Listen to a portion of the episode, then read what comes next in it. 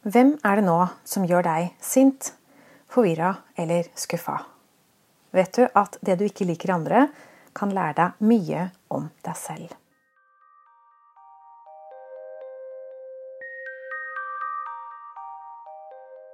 Hender det at du irriterer deg over andre?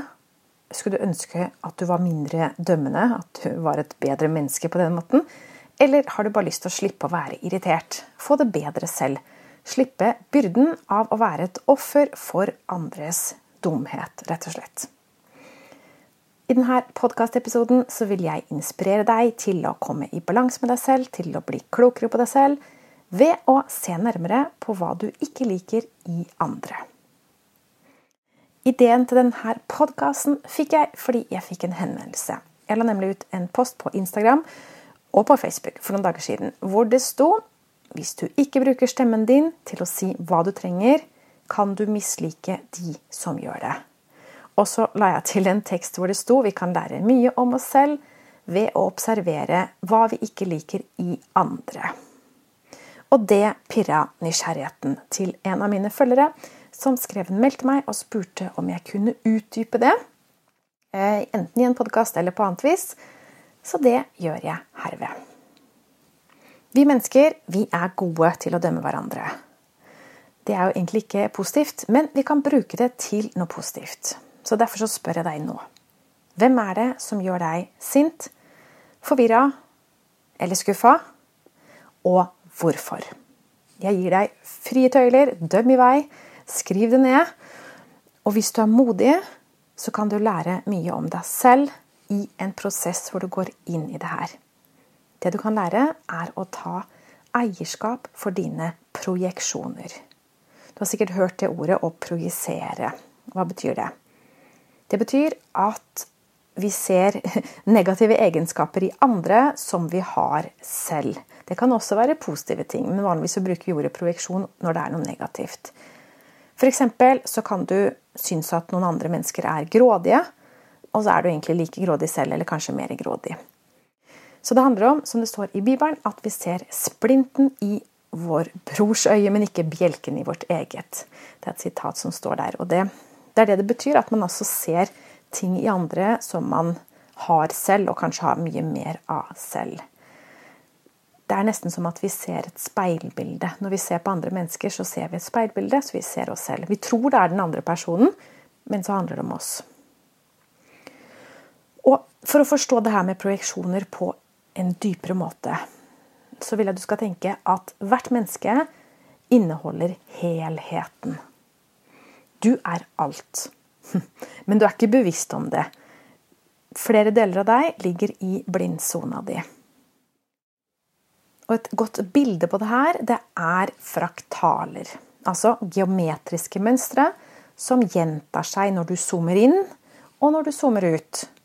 Så hver bit er et miniatyrbilde av helheten. Hvis ikke du vet hva fraktaler er, så tast inn på Google og så sjekk på bilder, og så ser du hva jeg mener. Så du er helheten. Alt fins i deg. Hele verden er i deg. Og når du dømmer andre, så dømmer du sider av deg selv som du også har. Som du kanskje ikke er bevisst om, eller som du ikke forstår, ikke ser nytten av eller som du rett og slett tenker er ubrukelig eller feil eller, eller ondt, for den saks skyld. Den følelsen av misnøye som du kjenner, den, den kraften, den irritasjonen eller hva det nå er, den følelsen, det er en kraft, og den vil noe med deg. Den har kommet inn i ditt liv for å dytte deg på riktig plass, for å få deg i balanse vi mennesker vi kan projisere på ulike måter. Vanligvis så tenker vi at det er direkte. At du ser egenskaper i andre mennesker som du har selv. Men det kan også være på andre måter. Det kan også være at du um, Det er ikke sikkert du er egoistisk. Hvis du dømmer noen for å være egoistiske, så er det ikke sikkert du er egoistisk. Kanskje du er det stikk motsatte. Kanskje du undertrykker dine egne behov.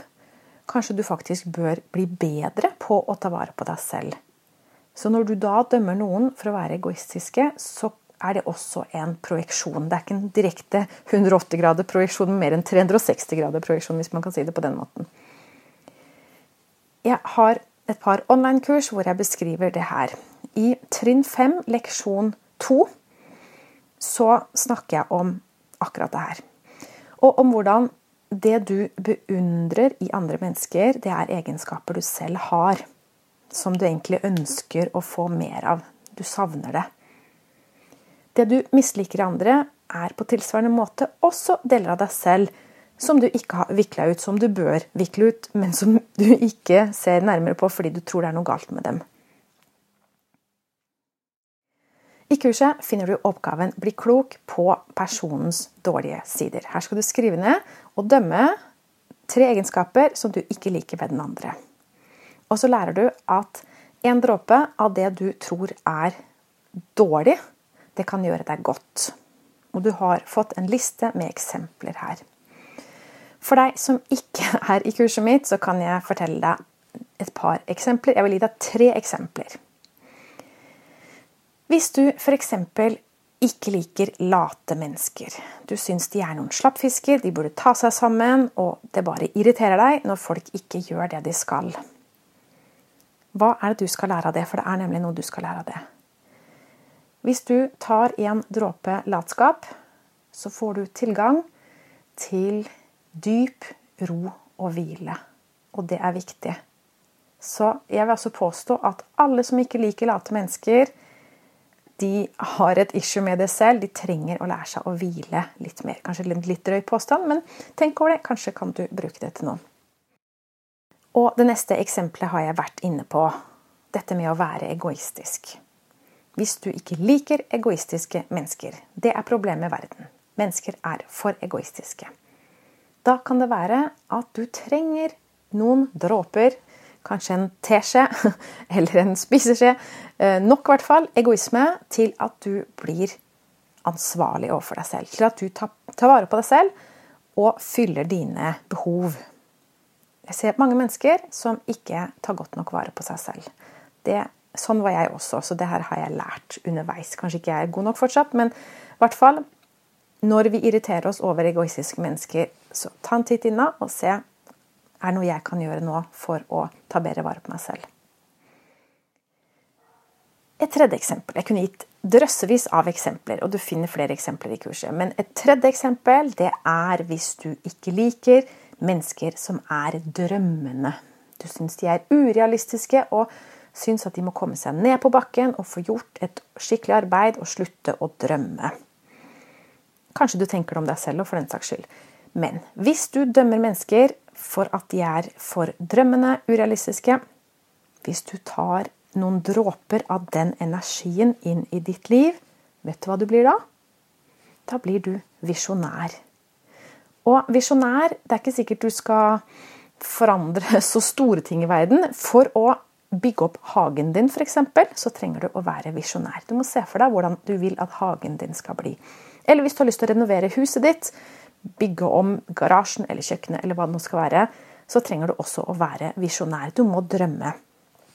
Eller hvis du um, Uansett hva du skal her i verden, skal du bedre relasjonene dine, skal du bedre helsa di Det starter med å være visjonær. Vi må se det for oss. Vi må bruke forestillingsevnen vår. Så jeg vil også påstå her at alle egenskaper som vi tror er negative, de inneholder noe positivt. Så det handler om å finne her balansen. Og det vi ikke liker i andre, det har vi alltid noe å lære av selv. Så nå har jeg snakka om 180 graders projeksjoner, og jeg snakka om 360 graders eh, projeksjoner, så la oss også introdusere 270 graders projeksjoner. Ja, du skal ikke henge deg for mye opp i disse tallene, men som du forstår er det mange måter å projisere på. Så jeg vil introdusere deg til en tredje måte å projisere på. F.eks. hvis det er en i ditt liv som du syns mangler selvinnsikt. Mens du har god selvinnsikt, du jobber med deg selv, du er vant til å være bevisst om dine feil og mangler. og ja, Du vet du vet hva du er god til, du vet hva du er dårlig til, så du har god selvinnsikt. Men det irriterer deg at denne andre personen ikke ser seg selv. Du vil at personen skal få bedre selvinnsikt, forandre seg. Hvis du irriterer deg over det, så er det din projeksjon. På den måten at du høyst sannsynlig mangler innsikt i vedkommende. Du trekker litt forhasta konklusjoner. Forstår ikke helt hvorfor de er som de er. Hvorfor de sitter fast i det de gjør. Du ser bare brøkdeler av det livet de har levd. Så du mangler ikke selvinnsikt, men du mangler innsikt i vedkommende.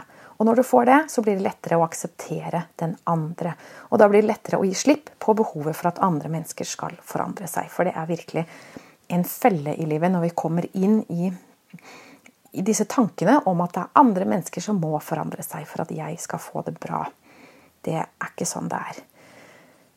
Frihet det er når du klarer å gi helt slipp på behovet for at andre mennesker skal forandre deg. Når du klarer å leve lykkelig med de menneskene du har omkring deg, uten å prøve å forandre på dem i det hele tatt. Jeg påstår at alle dine problemer kan løses ved at du forandrer deg. Men obs, obs, det må gjøres på riktig måte. fordi er, eh, hvis ikke vi skjønner hvordan vi skal forandre oss, så kan det være at vi gjør mer av det som ikke funker.